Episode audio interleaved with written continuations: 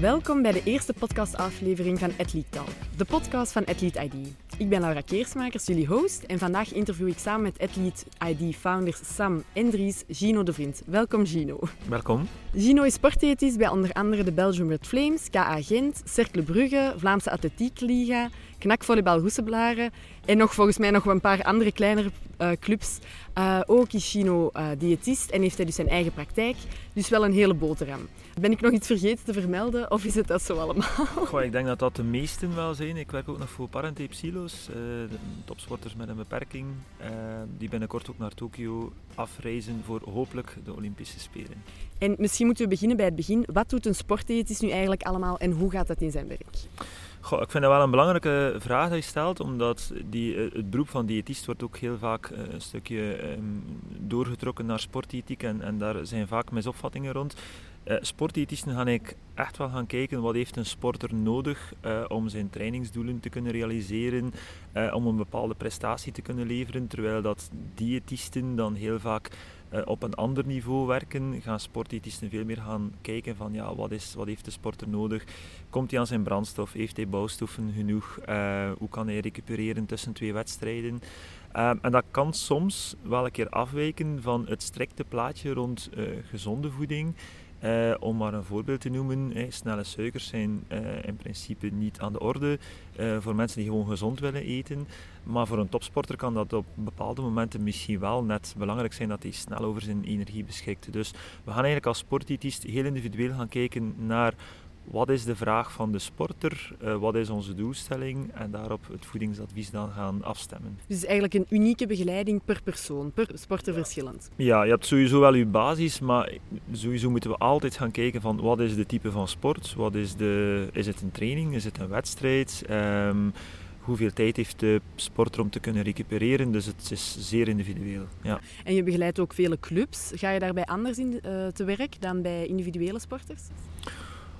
Niet direct, omdat um, het gaat uiteindelijk ook over het individu. Hè. Dus je kunt wel in een, in een club uh, een algemene presentatie geven, maar wanneer je dan toch alleen met de sporter van die club aan tafel zit, is dat net of dat je een, een individuele cliënt uh, in je eigen praktijk ziet. Dan moet je eigenlijk ook luisteren naar wat is de vraag hier, wat is de doelstelling, wat heb ik meegekregen van info van de physical coach, van de trainer, waarop moeten we letten. En dan gaan we kijken ook om die sporter individueel uh, proberen zo goed als mogelijk uh, advies te geven. Maar het is dus eigenlijk, als ik het goed begrijp, voor iedereen. Zowel de recreatieve sporter als topsporters, mensen die echt. Uh, ja, en, en daar denk ik dat het soms wat, wat afschrikt bij uh, mensen om, om naar een sportdiëtist te gaan. Omdat ze denken van ja, ik moet de topsporter zijn om allee, sowieso een, een, consultatie eh, te doen bij een sportdiëtist. Maar ik kijk naar mezelf, ik ben uh, geen topsporter, ik ben een recreatieve sporter. En mijn doel is om een marathon te lopen in oktober in Rotterdam. Dus ja, ik ga mezelf ook sportvoedingsadvies eh, verlenen en ik ben een recreant. Dus um, ik denk of dat je nu recreant zit, wedstrijdsporter, topsport, topsporter, als je zelf met um, een vraag zit van ja, hoe kan ik mijn voeding zo best mogelijk aanpassen aan een bepaalde prestatie, dan denk ik, uh, heb je zeker uh, het recht, uh, of zelfs is het zelfs een noodzaak, dat je u daarvoor laat eh, adviseren door professioneel advies. En is het dan enkel voedingsbegeleiding dat je geeft of is het veel verder dan dat? Goh, ik denk wel dat ik, dat ik in die rol als sportdiëtist dat ik daar wel moet blijven op het domein van voeding. Ik, ik hoor ook wel heel veel in mijn omgeving over info over de fysieke begeleiding en ik kan daar ook wel een, een, een woordje over meebabbelen. Maar ik denk dat dat dan vooral uh, het domein is van physical coaches die daar toch meer in gespecialiseerd zijn dan, dan, dan wij zelf. Nu, ik moet wel meegeven, zeker nu ook post-corona, dat wij ook vaak wel een beetje mental coach zijn. Ook al wil ik mij zeker niet pretenderen een sportpsycholoog te zijn. Maar het komt er heel vaak wel bij. Hè. Sporters die toch wel een, een verhaal doen over um, ja, de stoornis dat ze ondervinden, de, de eetproblematiek.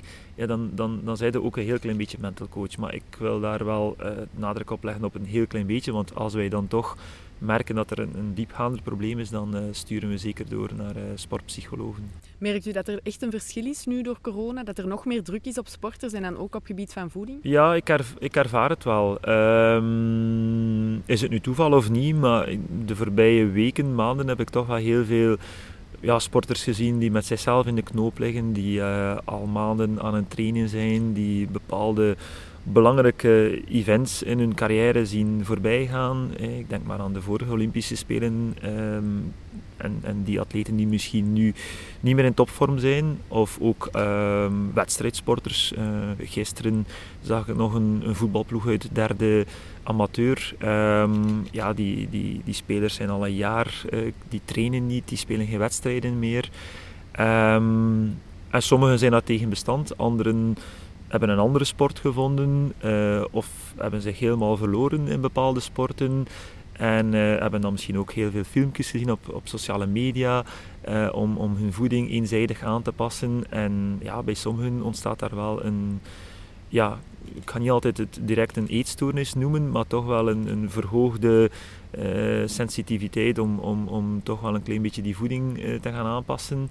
En heel vaak ook wel op de verkeerde manier. Ja. Is dat misschien ook het moeilijke, dat veel topsporters of sporters in het algemeen nu aan het trainen zijn, maar eigenlijk niet goed weten voor wat dat ze aan het trainen, trainen zijn, omdat er geen um, wedstrijden en zo meer gebeuren. En is dat dan misschien ook moeilijk om dan echt op je voeding te letten en daar uh, gecontroleerd mee bezig te zijn? Ja, als atleet, als je, als je, we zitten hier nu bijvoorbeeld in de, in de topsportschool atletiek. Um, die meisjes of jongens die zijn al uh, maandenlang aan het trainen en dan wilde echt wel een keer aan het publiek uh, of voor jezelf laten zien van, uh, ja, kijk wel hoe goed dat ik heb getraind. Um, um, en dat is op wedstrijden sowieso alleen maar meetbaar. Je kunt wel een goed gevoel hebben op training, maar je wilt ook wel die wedstrijd doen. En ja, dat is er voorbije maanden, voorbije jaar eigenlijk amper geweest. Of het is dan voor de uh, elite, elite die dan toch wel nog een, een, een wedstrijd kon, uh, aan een wedstrijd kon deelnemen. Um, en ik merk dat wel, dat, dat, dat er zelfs al wat sporters zijn die zijn afgehaakt, die het niet meer kunnen opbrengen en die dan uiteindelijk op dit moment iets anders doen. Hmm. Want voeding is extreem belangrijk voor sporters in het algemeen, voor iedereen. Hoe belangrijk is dat eigenlijk? Het verschil tussen een topsporter en een een, een, sporter zoals hier die op woensdagmiddag uh, met de atletiekclub club kan trainen? Goh, het, het, is de brandstof van ons lichaam. Hè. Dus, uh, en, en, we willen ook goede brandstof in onze wagen doen. Dus we willen dat ook doen uh, met onze voeding voor onszelf. En opnieuw, um, de noden zullen wel wat anders zijn bij een topsporter die elke dag één of twee keer per dag traint en die daar moet zorgen dat hij goed recupereert en, en zijn bouwstoffen ook goed opneemt. Maar ja, ook atleten die, die drie, vier keer op een, op een week trainen, dat zijn geen topsporters, maar op de momenten dat ze trainen, dan, dan is het ook wel belangrijk dat zij daar de juiste beslissingen nemen, de juiste energie opnemen, de juiste recuperatie proberen te voorzien. Dus het, het maakt niet altijd voor mij uit of dat je nu topsporter bent of, of gewoon een recreatieve sporter. Op het moment dat je je sport doet, moet je gewoon proberen uh, te, voor, te voorzien van de goede nutritie, de goede hydratatie, de goede recuperatie. Al is het natuurlijk wel een feit dat hoe hoger dat je in de uh, rangorde zit, eh, van, van recreatieve sporter tot wedstrijdsporter, dat die noden nog uh, veel hoger zullen zijn dan, dan bij een recreatief atleet. Ja, en zijn er ook veel verschillen tussen verschillende sporten? Krijgen die andere voedingsadvies? Ja, sowieso. Um, ik denk als we soms ook sporters, ik, denk nu maar aan een. Uh, ik werk in de volleybal. Uh, volleyballers gaan in het begin van het seizoen vooral heel veel gaan inzetten op, op krachttraining. Ja, daar moeten we vooral ook op toezien dat die eiwitinname adequaat is voor die verhoogde powertraining. Uh, dan zijn er andere sporten. In voetbal in principe is er in de pre-season ook altijd wel wat aandacht voor kracht, maar is dat toch ook meer gecombineerd met uh, veldtrainingen. Dus die noden zullen iets anders liggen. Daar zitten zeker wel wat gemeenschappelijkheden in. Maar um, het is uiteraard van, van sport tot sport uh, afhankelijk. Ook de periodisering op het seizoen. Um, nu wordt er wat meer load gelegd. Als we straks starten met de voetbal uh, op die krachttraining ook wel. Maar dat gaat dan vrij snel evolueren naar ook wel wedstrijden die worden georganiseerd, veldtrainingen. En dan is het belangrijk dat we onze mm, nutritionele behoeften of, of onze adviezen naar voeding toe, dat we die gaan afstemmen op het moment zelf, um, hoe dat die training evolueert. Ja. En wat met jeugdspelers? Worden zij ook al zo hard begeleid of begeleid u ook een aantal uh, jongere mensen? Um, ik begeleid zeker een aantal jonge mensen, maar um, als ik nu kijken in het voetballandschap, wordt er uiteraard heel veel ingezet op de elitevoetballers. Die, de meeste topclubs in, in, België. Uh, en ik heb er een aantal gedaan ondertussen. Daar wordt die sportdiëtist bij gedropt als lid van de staf, van de medische staf. Uh, maar terwijl het eigenlijk ook heel belangrijk is in die onderbouw, dat je daar ook gaat werken. En uh, bij de clubs waar ik nu werk is daar wel zeker aandacht voor. Um, bij de Red Flames uh, zelfs is er een, een, een, project die vanuit UEFA ook ondersteund wordt. Dat het damesvoetbal eigenlijk al van op jonge leeftijd wordt ondersteund. Uh, en ik ga straks nu ook mee op stages met vanaf U14, U13. Uh, omdat we eigenlijk ervan overtuigd zijn, we, we, kunnen pas beter worden met onze speelsters wanneer dat die info rond voeding, wat, hoe eet ik voor een wedstrijd, hoe recupereer ik na een training, als je dat nog moet uitleggen aan een voetbalster die eigenlijk al elite is, die eigenlijk al moet presteren, ja, dan ben je eigenlijk hopelijk, hopeloos te laat. Dus daar is het belangrijk dat we daar al op jongere leeftijd inzetten op die basisrichting rond, rond gezonde sportvoeding. En we hopen daarmee dat we ook wel stappen kunnen zetten in het, eh, de fysieke ontwikkeling ook van, uh, van ons damesvoetbal. Maar eigenlijk kunnen we dat doortrekken naar niet alleen voetbal, uh, niet alleen damesvoetbal, ook bij de jongens, maar ook in andere sporten. Ik denk maar tennis, volleybal, uh, dat er heel veel initiatieven verder gebeuren op jongere leeftijd. En die gebeuren zeker wel, dus ik denk zeker ook wel in, in heel veel topsportscholen dat er wel goed werk wordt geleverd. Um, op clubs denk ik um, ontbreekt het misschien soms wat aan, aan budget. Um, maar lijkt het me wel heel noodzakelijk. Ja, er is eigenlijk nog een beetje te weinig aandacht voor misschien. Het is beter. Uh, toen ik uh, aan mijn studies begon tot sportethiek, zoveel jaren geleden ondertussen, uh, was er daar eigenlijk nog weinig aandacht voor in, in België. Ik heb zelf naar Nederland moeten studeren, omdat er hier in België gewoon geen opleiding was. Ik merk nu dat de, de als paddenstoelen uit de grond komen. Um, ik zie ze nog niet overal aan het werk in heel veel federaties of clubs of jeugdploegen, maar ik denk dat dat iets is die, die, die moet groeien en, uh, en die er ook wel komt. Mooie vooruitzichten eigenlijk. Ik hoop het, ja. De laatste tijd zien we ook heel veel trends in de dieetwereld.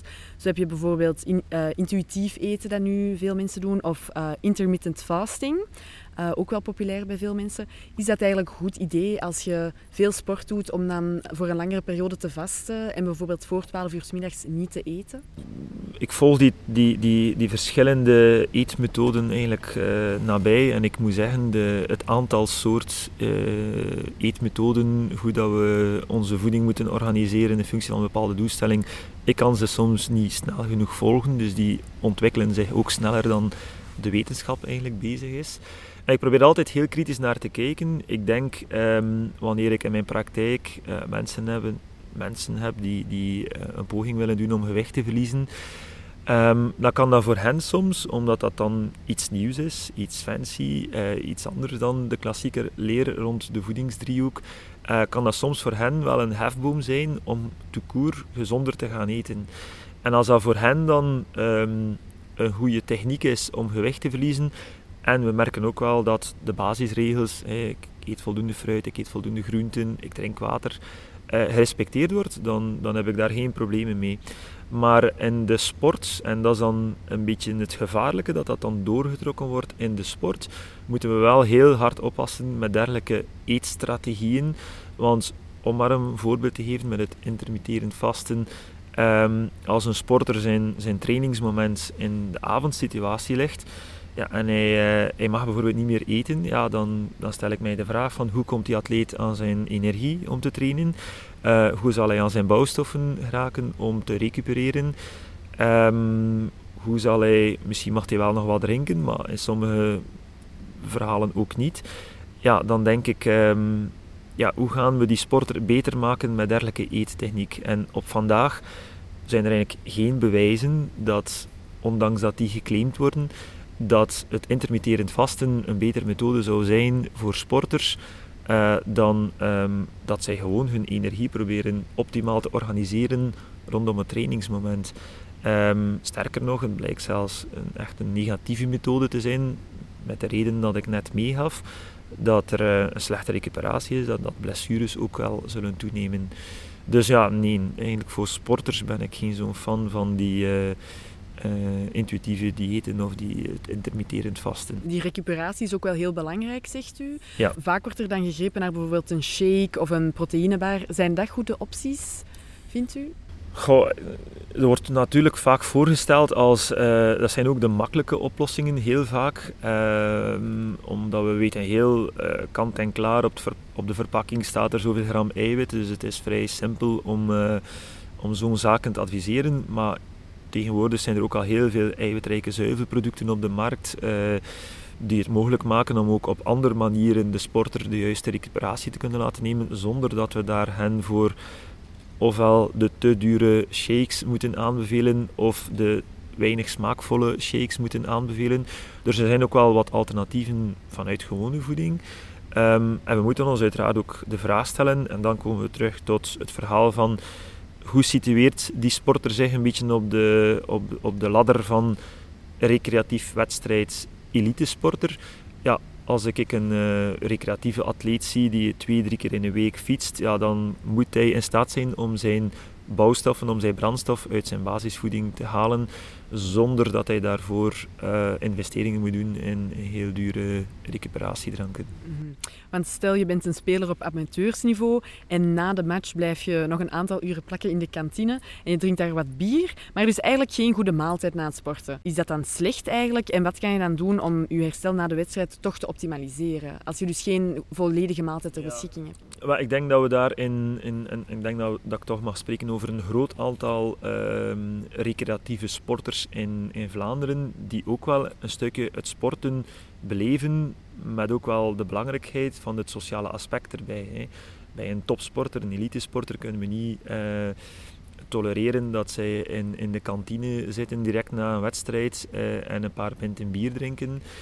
Bij een recreatieve sporter denk ik wel dat het soms wel een beetje bij de sport hoort, dat er na het, eh, het sporten even wordt gebabbeld onder, elkaar. En, en ik denk niet dat met deze podcast dat mensen hun pintje op de toog zullen laten staan.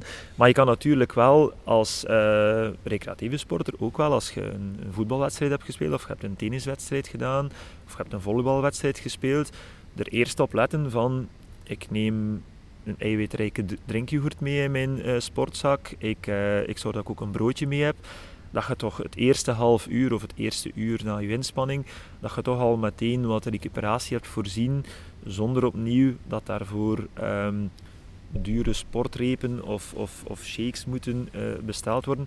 Maar ik denk dat een, een, een goede drinkyoghurt desnoods of een, of een broodje uh, een pak beter zal zijn in de eerste minuten dan een, een pen bier als recuperatie. Dat wel.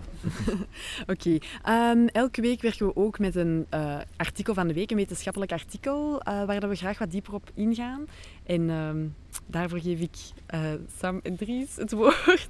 Ja, dus het artikel van de week behandelt eigenlijk nutrition en teamsports. Dus eigenlijk hoe dat teamsporters um, zich optimaal kunnen voorbereiden op trainingen, op wedstrijden. Eh, en welke rol dat voeding daarin speelt.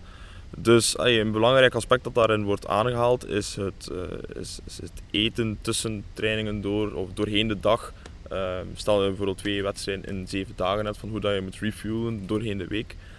En vanuit mijn eigen ervaring, waar ik de volgende vraag stellen, dus er zijn heel veel spelers, bijvoorbeeld jeugdspelers die nog op school zitten, die doorheen de dag in de les zitten en afhankelijk zijn van de voeding op school bijvoorbeeld.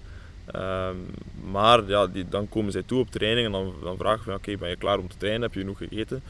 En dan blijkt dat ze eigenlijk pas vijf uur ervoor nog het laatste grote maaltijd hebben ingenomen. En bijvoorbeeld dat ze vlak voor de training, vijf minuten ervoor, nog rap een koek binnensteken, om het zo te zeggen.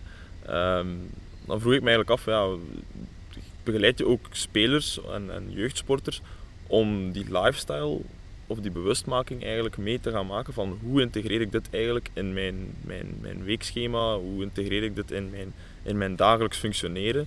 Want uiteindelijk volgens mij is het toch ook naar een soort van mindset dat je moet werken om elite sporter te kunnen worden. Trouwens volgens mij ook voor recreanten die het maximaal uit hun, uit hun prestaties willen halen als ze bijvoorbeeld een marathon willen lopen of, of een ander doel hebben. Een voorbeeld dat ik ook heel vaak zie eh, bij, eh, bij jeugdsporters, en ik denk niet dat dat altijd bewust is dat ze um, niet de juiste keuzes willen maken, maar dat het heel vaak verstrooidheid is, uh, slechte organisatie. En als ik zo een, uh, een, een, jeugdsporter zie, dan probeer ik meestal samen met de ouders een soort van tijdslijn op te stellen. Van kijk, dit is nu jouw dag. Hè? Want het voorbeeld dat je aangeeft is, is heel gekend. Hè? Dus middagmaal wordt genomen op school en dan direct van school naar de training. Ah, oei, ik heb vergeten iets te eten nog. Uh, maar ik heb hier nog een, een Leo in mijn, uh, in mijn kast uh, zitten, dus ik eet snel die Leo op. Um, ik denk en ik voel ook wel wanneer dat we dat organiseren en dat effectief ook wel benoemen van kijk, ja, vandaag is uw training om 5 uur 30 of om 6 uur. Uh, hoe ziet die tijdslijn voeding eruit? Ja, dat we dat heel vaak wel tot een, een, een punt komen dat zij ook wel merken van, oeh ja, ik ga niet naar huis, uh, hoe ga ik dat doen? Ah, ik ga misschien al iets meenemen van thuis. En daarop speel ik dan meestal in, dat ik meegeef van, kijk ja, als pre-trainingssnack dit zou, bijvoorbeeld een, om maar één voorbeeld te noemen, een, een wrap bijvoorbeeld, kan, kan perfect uh, van op voorhand uh, worden voorbereid. Als ze naar huis kunnen gaan, kan dat een uh, muesli met wat yoghurt zijn en een banaan erbij. Maar ik merk als je dat inderdaad niet benoemt, dan, dan verdwijnt dat zo'n beetje uit de aandacht. En dat is nogmaals, dat is niet moedwillig. Maar men is met van alles bezig, komt thuis, we boeken tas aan de kant, snel die sporttas nemen. En wij moeten dat eigenlijk met, eh, met, met z'n allen, eh, niet alleen de sportdiëtisten, maar ook uh, fysieke coaches, trainers, proberen onder de aandacht te brengen van kijk, naar een training, probeer dat te doen met, de juiste energie, met het juiste energieniveau. En organiseer uw dag. Hè. Als je u, maar dat gebeurt ook bij topsporters soms. Hè. Dat, dat hier vorige week ook nog in de topsporthallen een situatie had van iemand die ook twee trainingen had op een dag. En ik vroeg van ja, wat heb je nu mee om die tweede training voor te bereiden? ja, ik ben dat vergeten. Dus ja, dat, dat gebeurt bij jeugdsporters heel vaak, maar ook bij elitesporters. En dan is het gewoon belangrijk dat we daar een, eh, een tijdslijn op zetten. Dus uh, nu ook al gehad over uh, dus voor die wedstrijd wat dat moet eten, ook na die wedstrijd naar recuperatie toe. Maar ik vroeg me eigenlijk af, tijdens, tijdens de rust, dus na 45 minuten voetbal, um, waar had je eigenlijk spelers aan die boot op amateurniveau spelen, om, om tijdens die rust toch te gaan, gaan doen van voeding of te gaan gebruiken van voeding? Als het nu over voetbal gaat, heeft hij eh, weinig tijd om tijdens de inspanning zijn lichaam wat bij te sturen in, energie. En, en een wedstrijd die dan 90 minuten duurt, zeker als die speler eh, de volle wedstrijd op het veld staat, is zo net de grens dat u fast fuel via de koolhydraten al een heel klein beetje een, een soort decline krijgt tegen het laatste kwartier van de wedstrijd. Dat is ook trouwens de zone waar dat heel veel wedstrijden nog worden beslist. Um, om die vermoeidheid tegen te gaan is het belangrijk dat tijdens de pauze dat er wat extra koolhydraten uh, worden aangevuld. In de literatuur wordt dat meestal over 30 gram ongeveer gesproken, 30 tot 45 gram. Goh, daar kijk ik ook weer altijd een beetje. Ik zal meestal, als ik, als ik ook mee, meega met ploegen, gaan wij rond met een, met een mand zo, dat er van alles en nog wat in ligt. Dat kan een, een stuk banaan zijn, dat kan een, een een, zo'n fruitbaar zijn bijvoorbeeld. Dat kan een uh, meliewafeltje zijn met wat honing in. Dus daar kijk ik altijd een beetje waar voelt de sporter, dat kan een energiegel zijn, waar voelt de sporter zich het meest comfortabel bij. Uh, natuurlijk gaan we kijken naar de snel opneembare koolhydraten een beetje, want we hebben er geen baat bij dat die koolhydraten een uur later uh, zijn opgenomen, want het gaat over die, die 45 minuten die onmiddellijk volgen. Dus meestal is dat al wat sportdrank, eh, wat isotone sportdrank, met dan eh, een stuk banaan, een energiegel, een fruitbaar. Um, zodanig dat ze toch aan die hoeveelheid energie geraken. Wat ik ook merk is dat heel veel mensen zeer snel geïnteresseerd zijn en zeer snel grijpen naar extra supplementatie.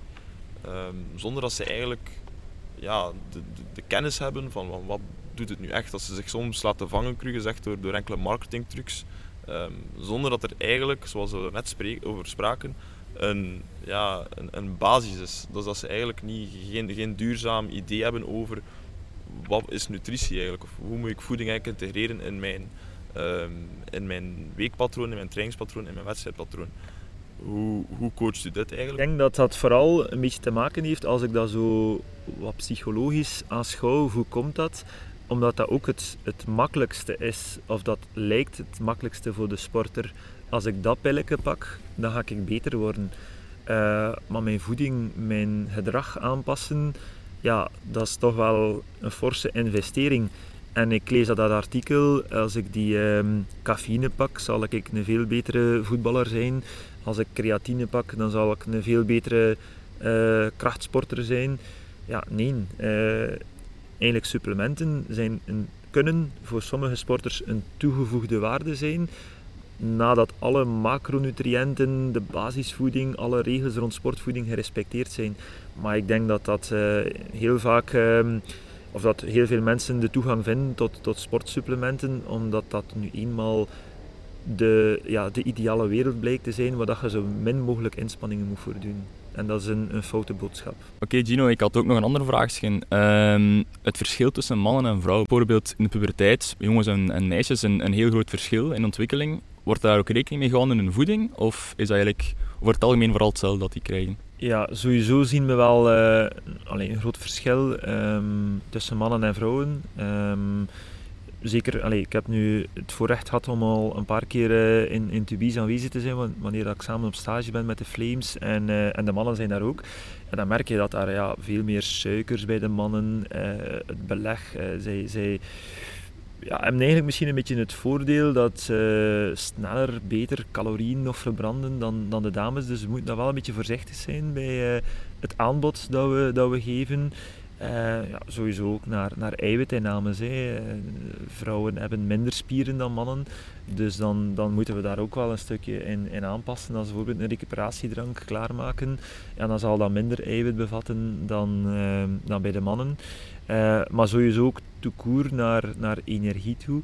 Um, ja, merken we ook wel, ja, dat is ook logisch, hè, minder spiermassa, ook hormonaal reageert een, een, een, dame anders op, op, op energie dan een man. Moeten we er toch wel wat voorzichtiger in zijn. Maar ik moet zeggen dat dat. Um, ik, ik, ik, moet daar soms eigenlijk weinig aan zeggen aan onze dames. Die zijn eigenlijk al een stukje qua discipline dan. Um, ja, iets, iets uh, nauwgezetter dan, dan dat ik soms bij de mannen zie. Omdat ze dan nu eenmaal een, een, een beter of een hoger metabolisme hebben, uh, zie ik dat dames zich daar meestal ook wel een beetje zelf in corrigeren. Om af te sluiten, heeft u nog één gouden voedingstip voor onze luisteraars? Wat zou u hen meegeven? Zowel topsporters als mensen die recreatief sporten, als de beginnende sporter. Goh, probeer altijd een beetje de, de, de beste versie van jezelf te zijn in, in, in wat uw trainingsdoelen ook zijn. Um, of het nu gaat over recreatieve sport of over topsport, wedstrijdsport. Um, probeer te luisteren naar uw lichaam. Um, bereid uw sportieve inspanningen voor met de juiste energie op het juiste moment. Um, wees aandachtig voor uw hydratatiepeil. Uh, drink voldoende. Zeker als we straks terug een, warme zomer, uh, of als we een warme zomer hebben, dan is dat belangrijk ook om daar de juiste hydratatie te verzorgen. En um, laat voeding vooral het, het, uh, de, de, de houden brandstof zijn die u daarbij kan assisteren met enerzijds energie om die sportinspanning uh, op een goede manier te kunnen doen, uh, maar anderzijds ook met de juiste bouwstoffen om optimaal te recupereren. En als uw doelstelling ook is om gewicht te verliezen via uw sport, probeer er ook altijd aan te denken dat die brandstof blijvend nodig is om uw sportinspanning te ondersteunen en dat gewichtsverlies dan meer gerealiseerd wordt vanuit het sporten, dat je alleen maar kunt doen nadat je de juiste energie hebt opgenomen.